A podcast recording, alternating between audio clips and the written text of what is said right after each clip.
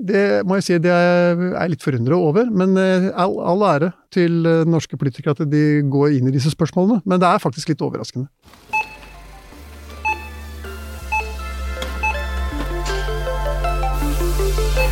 Hjertelig velkommen til Handlevogna. Jeg heter Bendik Solum Wist og er bransjedirektør for dagligvare i Virke. Og I denne ukens episode skal du få svaret på et spørsmål som du kanskje aldri har stilt deg, men som likevel er viktig, nemlig er butikkjedenes egne merkevarer bra eller dårlig for konkurransen i markedet og for deg som kunde? Hæ, tenker du kanskje nå. Egne merkevarer, hva er det? Hvorfor skal jeg bry meg? Vel, jeg kan røpe at både Stortinget, regjeringen, media og særlig næringsminister Jan Christian Vestre har vært opptatt av å finne ut av om egne merkevarer som First Price, Extra, Prima, Englamark osv. osv. er mest bra eller mest dårlig for konkurransen og for kundene. I februar utlyste næringsministeren et utredningsoppdrag som det siste halve året har blitt gjennomført av en uavhengig gruppe med forskere, blant dem to professorer i økonomi. Og Den endelige rapporten den er nylig publisert, og vi har snakket med mannen som ledet utredningsarbeidet, nemlig Rolf Røtnes fra Samfunnsøkonomisk analyse. Og i klassisk clickbait-tradisjon sier jeg bare du vil ikke tro hva han ble mest overrasket over gjennom utredningen. Og med det som teaser, så setter jeg bare over til intervjuet. Hjertelig velkommen til handlevogna, Rolf Røtnes. Takk. Takk for at dere har invitert meg. Du er fagdirektør i Samfunnsøkonomisk analyse, der dere har spesialisert dere på, kanskje ikke så overraskende, samfunnsøkonomiske analyser. Og så hender det at dere gjør større utredningsoppdrag for det offentlige, og det er derfor du er her i dag. Og eh, i januar så fikk dere da oppdraget med å kartlegge omfanget av egne merkevarer og vertikal integrasjon i det norske dagligvaremarkedet. Og før vi går videre, kan du kjapt forklare hva egne merkevarer er? Egne merkevarer, som vi forkorter til EMV, det er varer hvor handelsaktøren eier merket, og som bare selges i handelsaktørens egne, eller hovedsakelig eh, selges i handelsaktørens egne kjedekonsepter. Ordet hovedsakelig er fordi det hender av og til de selger ut, ikke til de to andre, men til storhusholdning f.eks., eller andre ting. Ja. Og så mm, sa vi at disse tvilstilfellene, de kaller vi heller tilknyttede merkevarer. Og tilknyttede merkevarer, det er da merkevarer hvor enten en handelsaktør har en avtale med en produsent om kun å selge varen hos seg, eller at de har et deleierskap over 20% i den som selger varen Mm. til seg. Og så vi, fant vi etter hvert ut òg at det er en god del varer som det er veldig vanskelig å henføre til en av disse to alternativene, eller en tredje alternativ som er industriens egne merkevarer, som vi kaller leverandørmerkevarer, LMV, og det er varer helt uten merke typisk ferskvare som ligger i en stor kasse, f.eks., uten noe merke på seg. Altså tenk en appelsin hvor det ikke står Civita på, eller noe sånt. Eller et kjøttstykke som det kun står en pris på, Mm. hvor det er umulig for kunden å se hva slags merke den varen har. Og da fikk vi fire kategorier. Da fikk vi egne merkevarer, det vi kaller tilknyttede merkevarer, det vi kaller generiske varer, altså de som er uten øh, merke, og leverandørmerkevarer, hvor leverandøren er helt uavhengig Mm. av handelsaktørene. Nettopp. Og eksempel da for lytterne. Egne merkevarer, eksempel First Price eller Extra. Leverandørens merkevarer, for eksempel Grandiosa eller Coca-Cola. Generiske varer, for eksempel kjøtt i ferskvaredisken uten noe merke. Og den siste var da, tilknyttede merkevarer. og det er for eksempel, Bama. eller Nordfjordkjøtt kanskje? Ja. For det selges bare hos Rema, for Ja. Det er riktig. Mm. Lykke til med å huske alt dette, kjære lyttere. Ja. Men vi, nå må vi komme til eh, fasiten her. Altså, da hadde dere funnet ut av en firedelt definisjon, og så skulle dere da få kartlagt hvor mange av produktene i hele butikkfaunaen som falt i hver av de fire kurvene, da. Og vi gikk selvfølgelig gjennom en god del litteratur som er skrevet om dette, både for Norge eh, og internasjonalt, hvor AC Nilsen har vært en veldig stor dataleverandør. Nilsen IQ, eller har de bytta Ja, i, unnskyld. Nilsen IQ er dataleverandøren, Ja. eh, som igjen får dataene fra de store handelsaktørene. Men vi ønsket å telle selv. Mm. Så gjennom avtaler via Konkurransetilsynet og ulike sensitivitetsklausuler, så vi har taushetsplikt på detaljer, så fikk vi samtlige varelinjer for alle de tre store handelsaktørene for alle sine konsepter for henholdsvis 2017 og 2022. Og når det bare er to år, så er det fordi det var et stort arbeid for handelsaktørene å trekke dette ut. Og det var et, også et veldig stort arbeid for oss å legge det inn på en felles dataplattform og være sikker på at alle varelinjene ble knyttet til eieren av varemerket. Mm. Som igjen vi måtte vite hvem var. Og når vi gjorde det, og telte det fysisk, altså via digitale hjelpemidler riktignok, men Mm. telte opp, så fikk vi at egne merkevarer utgjorde omtrent 20% av all omsetning. 20% altså, det var, det var fasiten. Og hvordan er det i forhold til andre land som vi liker å sammenligne oss med? To ting å si om det. Det, det tallet ligger litt høyere enn det som ble rapportert før, eh, som kan skyldes avgrensningsforskjeller til det Nielsen IQ har rapportert. Men uavhengig av det, så ligger vi relativt lavt. Så de fleste land har en høyere såkalt EMV-andel. Men det vi ikke vet, det er i hvilken grad trekker de inn varer som vi har definert som TMV. Og det er et ukjent, på en måte, hvordan dette er kategorisert internasjonalt, men vi har jo en TMV-andel på litt over 8% som vi klarte å telle for 2022. Så med den så vil vi nærme oss mer enn eh, normal. Og så ser vi at uh, begge de to kategoriene har økt litt i Norge de siste fem årene, de to årene vi har telt. Og det er i tråd med hva også Nilsen IQ har rapportert. Så vi ser en gradvis økning. Likevel så er det viktig å ha med seg at dette er også en tendens vi ser i veldig mange land, og spesielt i land med lav EMV-andel i utgangspunktet. Ja. Så det er en del internasjonal litteratur som har forsøkt å finne ut av dette, og da kan det være argumenter, i alle fall, som drar i retning av at vi får en slags likevekt i markedet, eh, og hvor Storbritannia, som har ofte vært pioner, de danner ikke et tak, men det er liksom De fleste land nærmer seg asymptotisk det nivået, og så begynner det å flate litt ut. Og grunnen til at det sannsynligvis flater litt ut over tid, det, veksten, det er jo fordi det er veldig få handelsaktører som ønsker utelukkende egne merkevarer. Grunnen til det igjen er at de ønsker å ha et produktmangfold å tilby kundene. Så hvis de ender opp med å mangle varer, så vil jo det være en grunn til å velge en annen handelskjede. Men hvis de til gjengjeld mangler egne merkvarer, så er det også en grunn til å velge en annen handelskjede. Så derfor så er det en eller annen slags, sannsynligvis en eller annen slags likevekt i dagligvaremarkedet på en, hvordan stor den andelen blir, men det kan variere ganske mye fra produkt til produkt. Og det kan tenkes at det blir mye høyere egen merkevareandel på produkter, for det vil det vanskelig å differensiere produktene fra hverandre, f.eks. I forhold til produkter med mye større forskjeller i smak og innpakning og, og preferanser. Ja, fordi det er 20% på totalen, Det er 20% på totalen. men det er Alle- stor variasjon. det er stor variasjon. Så det er liksom den, den andelen hvor hver handelskjede har veldig høy egen merkevareandel, det er kjøttdeig. Der er alle veldig høy. Det er jo tre forskjellige merker, da, Mm. men alle har veldig høy egen merkevareandel. Og det er noen uavhengige i tillegg. Så der ligger den totale mengden av EMV og TMV til sammen på nesten 80% eller rundt der. Mm. Så det er kanskje den, det området hvor det er høyest. Og så er det andre områder hvor det er veldig, veldig lavt. Hvor det er lite egne merkevarer. Eksempel meieriprodukter. F.eks. meieriprodukter, som henger litt sammen med noen andre ting som en alltid skal være oppmerksom på når man snakker om dagligvarer i Norge. og Det er at på to områder så har vi et veldig lukka marked i Norge, og det gjelder særlig på kjøtt og meierivarer. Mm. Der er det høye Av mange gode grunner, holdt jeg på å si, eller gode, det får jo folk mene hva de vil om, Av politiske årsaker. av politiske årsaker så har vi veldig høye eh, tollsatser på de produktområdene, og der er alle produsentene, enten de produserer egne merkevarer eller produserer leverandørmerkevarer, der er de norske. Ja. Forskjellige typer norske produsenter. I den ene delrapporten så skriver dere at eh, både økonomisk teori og nye og eldre empiriske undersøkelser viser at bruk av EMV og vertikal integrasjon har hatt positive virkninger på konkurransen i dagligvaremarkedet og forbrukernes valgmuligheter. Kan du utdype det litt? Grann? Jeg glemte jo innledningsvis å snakke om vertikal integrasjon. Ja. Og kanskje bare to ord om hva det er. Ja. Altså det er når en, eh, et selskap eier et annet selskap tidligere eller senere i verdikjeden.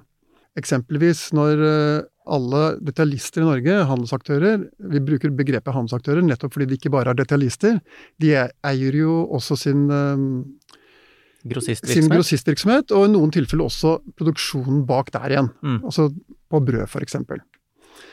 Og grunnen til at det er effektiviserende, det er at det er noe vi kaller dobbelt marginalisering. Altså når du flytter en vare fra en aktør til en annen, så skal alle ha sin profitt, Mm. på en måte. Og hvis du klarer å, å effektivisere den flyten uten å legge på unødige profittmarginer på hvert ledd, så vil du spare en del kostnader, og det vil være en samfunnsøkonomisk gevinst. Mm. Og du kan også få en del andre rene effektivitetsgevinster ved å samordne forskjellige ledd i, i verdikjeden, som rett og slett at hele logistikken, produksjonen og alt sånt nå blir mer effektiv i alt, alt fra transport til data til bestillinger til alt, ja, på veldig mange ledd, da. Så hvis bakeren eh, er eh, selvstendig, så skal han selge brød med en pris som dekker både kostnadene for produksjon, men også gi en liten margin som brukes til å avlønne kapitalen som har blitt investert i bakeriet, risiko for fremtidige usikkerheter om hvor mye de får solgt osv. Og så går det videre til neste ledd, eh, som skal transportere det, og det vil også ha en liten profittmargin av samme årsaker. Ja. Og sånn går det i ledd etter ledd etter ledd. Og når det til slutt kommer fram til forbrukeren, så er det kanskje to eller tre eller fire ledd som har tatt sine marginer før siste ledd legger på sine. Ja, og marginer kan jo skyldes mye. Eh, noe skal man jo ha. Altså du skal jo legge på, dekke kostnaden på hele veien gjennom. Men det er klart usikkerhet f.eks. legges jo også inn i marginer, og den blir jo mindre Mm. når du klarer å planlegge. Ulempen med vertikal integrasjon er selvfølgelig hvis du ender opp med en monopolsituasjon, Mm. hvor konkurransen blir borte. Så det har jo fordeler. Dette er en klassisk på en måte, at du har stordriftsfordeler, er bra for samfunnet å utnytte de. Men hvis du kommer i en monopolsituasjon, så vil jo produsenten ta for mye profitt, av begrense produksjonen, sånn at de kan få en ekstraavkastning. Mm. Så vi ønsker jo normalt eh, konkurranse mellom flere aktører. Så det vil jo være kan du si, begrensningen i hvor langt vertikal integrasjon bør gå. Det høres ut som dette her er noe som er positivt inntil et visst punkt, så hvor er det knekkpunktet når det ikke er bra med vertikal integrasjon lenger i det norske markedet? Altså, vi har jo vi for så vidt fire aktører i dagligvarehandelen nå. eh, For å bare gå litt rundt grøten først, før jeg svarer på det. For det lar seg ikke svare helt presist. Men vi har fire aktører. for Bunnpris er også en aktør. Og i tillegg så vil jo dagligvareprodukter selges også litt utenom de store handelsaktørene, da. F.eks. på kiosker, og nå har Normal kommet inn med sine spesialiserte produkter, og sånne ting kan skje. Men eh, vi har sett i Norge at denne vertikale integrasjonen har gitt en effektivitet i systemet som det er veldig vanskelig å kopiere. Også når man tar hensyn til eh, handelshindringene vi har i deler av dagligvaremarkedet. Så det er vanskelig for en ny aktør å lage et like effektivt system som det de tre store har klart å lage, for fullsortiment. Og da blir det jo et spørsmål Ja, hvis vi hadde vært et større marked, så hadde det kanskje vært ønskelig med flere. Mens også i nabolandene våre så er det ikke så veldig mange flere aktører. Altså. Så det ligger rundt sånn tre-fire, kanskje oppi fem noen ganger. Men det er jo veldig viktig at det konkurrerer veldig hardt. Så de er jo under overvåkning av konkurransemyndighetene. Og enhver deling av data, samtale om priser, samtale om kampanjer, er jo forbudt. Det er også en av grunnene til at de dataene vi har samlet inn, er sensitive, oppbevares eh, hos oss, vil bli slettet osv. Fordi dette skal ikke noe av den detaljerte kunnskapen fra én aktør skal tilflytte den andre, slik at de kan samordne seg. Mm. Så eh, vi er nok på et nivå hvor antall aktører ikke bør bli færre. Sånn sett så er vi liksom nede på det som er minste antall for å kunne ha en effektiv konkurranse. Men vi tåler nok flere. Men eh, hvis det blir veldig mange flere, så vil jo det igjen møte en stengsel i forhold til hvor effektivt varene skal distribueres rundt omkring i Norge. Så det er klart at disse store logistikksystemene som hver enkelt handelsaktør har bygd opp, de kan nok håndtere flere varer enn det de har selger selv. Mm. Så der er det noen betydelige stortingsfordeler. Men eh, hvordan har EMV påvirka konkurransesituasjonen? Er det til det bedre eller til det verre? Ja, og det er en litt annen diskusjon egentlig enn denne vertikale integrasjonen, eh, selv om dette henger sammen fordi veldig mange egne merkevarer produseres jo også av handelsaktørene selv. Jeg nevnte brød som er det mest typiske eksempelet, men det finnes noen flere.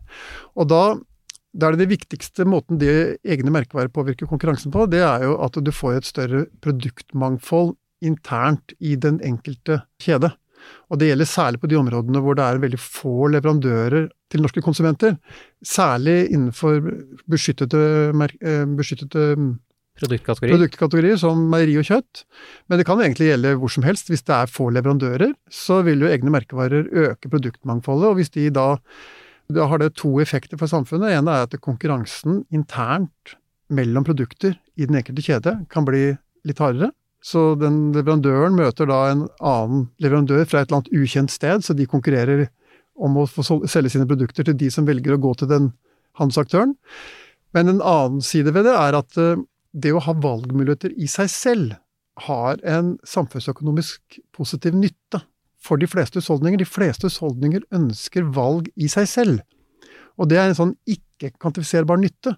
Så den nytten husholdningene har å vite at det finnes et produktmangfold, den er, har også en ganske stor verdi. Mm. Det er det samme fenomenet som at vi liker å vite at det fins ulv i skogen. På en måte, Vi liker at det, fin, at det fins natur.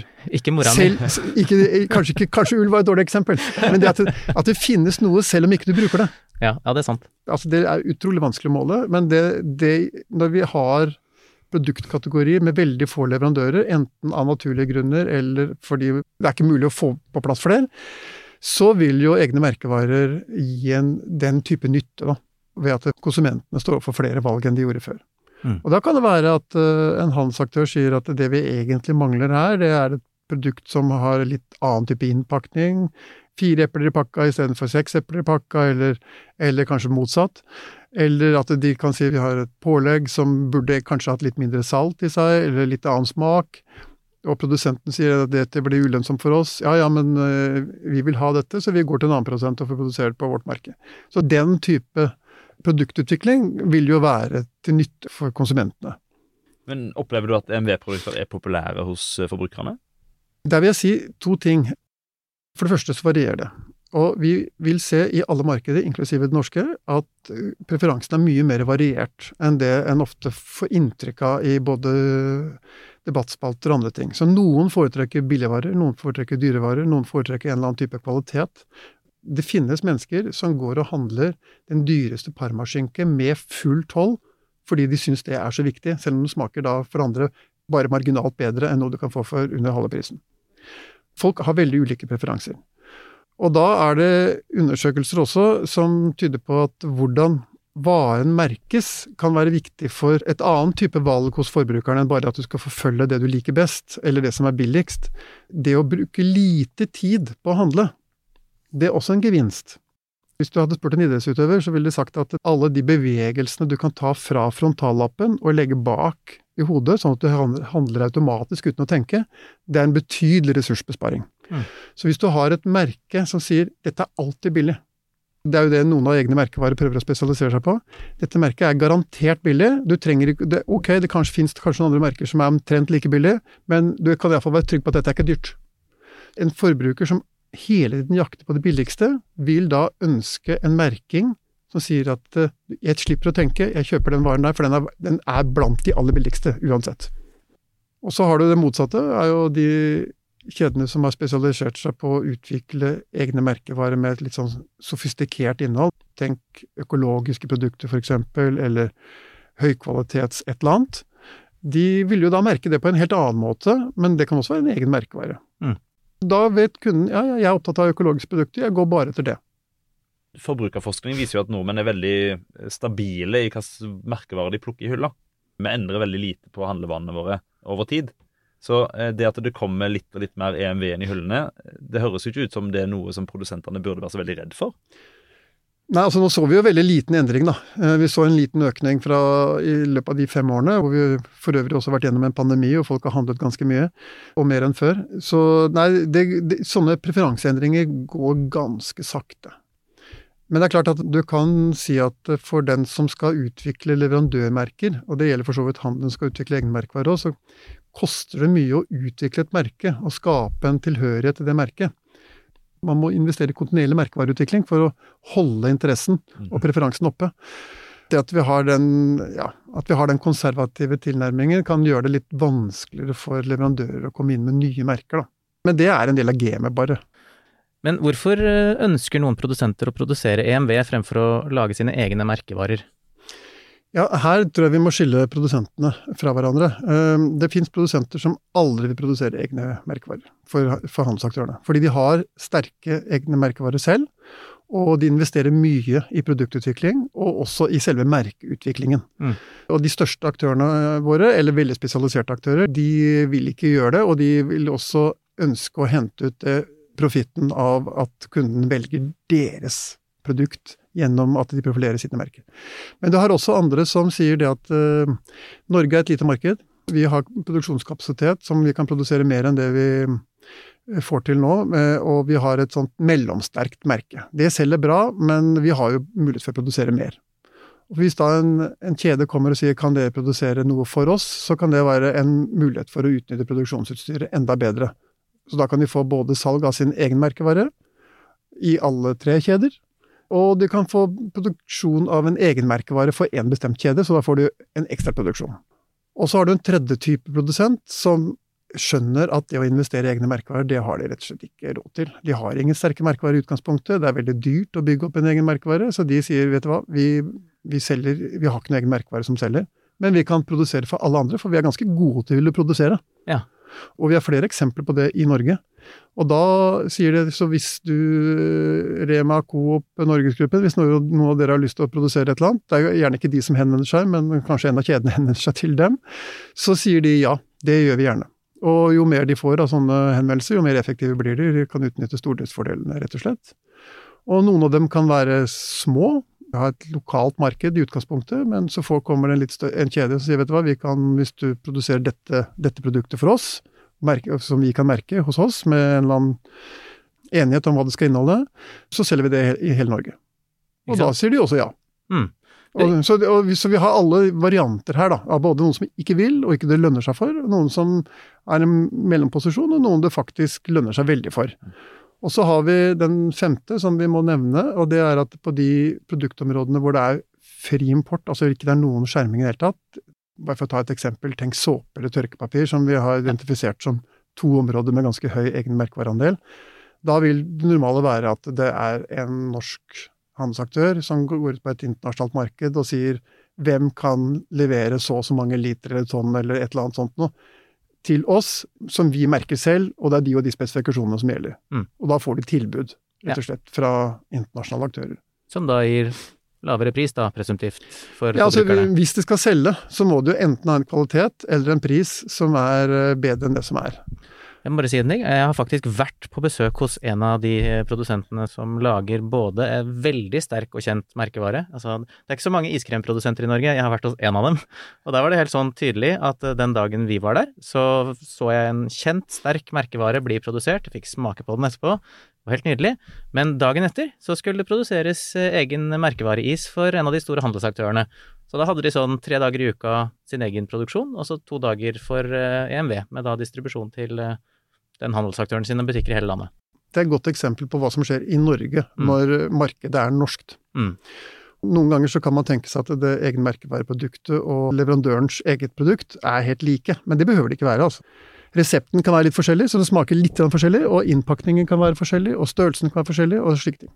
Sjefen eh, på bruket der, han gjorde et uh, solid poeng av at uh, det var mer fløte i den uh, den sterke merkevareisen som han hadde vært med å bygge opp, enn det som var EMV-varianten. Men EMV-varianten er jo bra for barnebursdager og sånn, hvor du liksom skal ha mange is til mange små, men helst ikke bruke hele lønna på det. Ja, og det er jo en forhandlingssak, selvfølgelig. Så når eh, leverandøren har en forhandlingsmakt, som de har i dette tilfellet, mm. så kan jo de stille krav om at hva egne merkevarer ikke skal være også. Mm. Men eh, det skal sies at eh, mye av diskusjonen om dette er jo knyttet også til at mange leverandører som har egne leverandørmerker, opplever at prisforskjellen mellom sitt produkt i butikken og det som kommer som et lignende produkt fra handelsaktøren selv, er for stor i forhold til hva de opplever som egentlig kostnadsforskjeller eller kvalitetsforskjeller. Mm. Altså at ø, den egne merkevaren selges billigere? Ja, men da mer billig enn kostnadsforskjellen skulle tilsi. Og det har ikke vi gått inn i, det får eh, Konkurransetilsynet se litt nærmere på. Men det kan tenkes, og det kan være en logisk grunn for det. Og vi har nevnt dette i rapporten, hvordan dette kan arte seg. Eh, og det kan slå ut både positivt og negativt for konsumenten sånn samlet sett.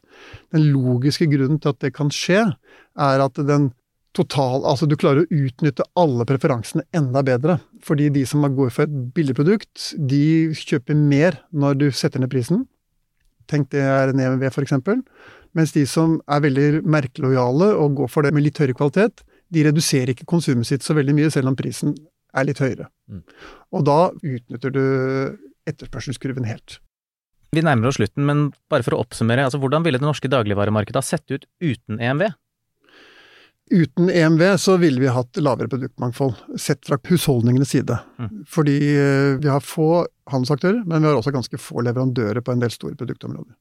Og etter å ha gjennomført denne EMV-kartleggingen, hva er det du har lært eller funnet ut av som har overrasket deg mest? Det som har overrasket meg mest, er det voldsomme engasjementet knyttet til temaet. Ja. Fordi eh, For det første så tror jeg folk flest ikke tenker så veldig mye på dette. Eh, Hvem er det som står bak Eldorado og First Price? Altså Folk er ikke så opptatt av det som leverandørene og handelsaktørene tror. Men enda rarere syns jeg er den store politiske oppmerksomheten. Jeg ser jo at det er interessant. Faglig er det veldig interessant. og Konkurransemyndighetene bør absolutt følge med på dette, for du kan komme i situasjoner hvor egne merkevarer får for stor plass. Men at det har en så høy politisk oppmerksomhet, det må jeg si det er litt forundret over. Men eh, all, all ære til eh, norske politikere at de går inn i disse spørsmålene. Men det er faktisk litt overraskende. Men uh, overordna, hva er hovedfunnene i rapporten? Hovedfunnet i rapporten er at uh, egne merkevarer har fungert positivt for husholdningene, i, og vertikal integrasjon likedan. Men det er noen produktområder hvor dette har blitt, fått så stor andel at det, det kan dukke opp en del nye konkurransemessige problemer. Og da har vi et resonnement som går på at det meste av dette kan håndteres innenfor det rammeverket som konkurranseloven og loven om god handelsskikk gir, og da har vi to tilsyn som kan fungere bra. Men for at de skal kunne gjøre en god jobb, så må du faktisk overvåke markedet ganske detaljert. Og det er vårt viktigste råd egentlig til myndighetene, at du fortsetter å skaffe seg informasjon om hvordan egen merkevare og tilknyttede merkevare utvikler seg i hvert produktområde. Da får vi la det være oppfordringen til eh, konkurransemyndighetene. Og så har vi et siste obligatorisk dobbeltspørsmål til alle våre gjester. Nummer én, hva er din favorittmatrett hvis du er gjest eller går ut for å spise? Og nummer to, hvis du skal lage maten og få gjester på besøk, hva lager du da? Jeg har egentlig samme svar på begge spørsmål. Oi! Jeg er eh, glad i fisk, så jeg spiser helst fisk og lager helst fisk, og da er det kveite. Og det er også det du bestiller når du er ute? Hvis du skal tenke helt fritt, så er det det.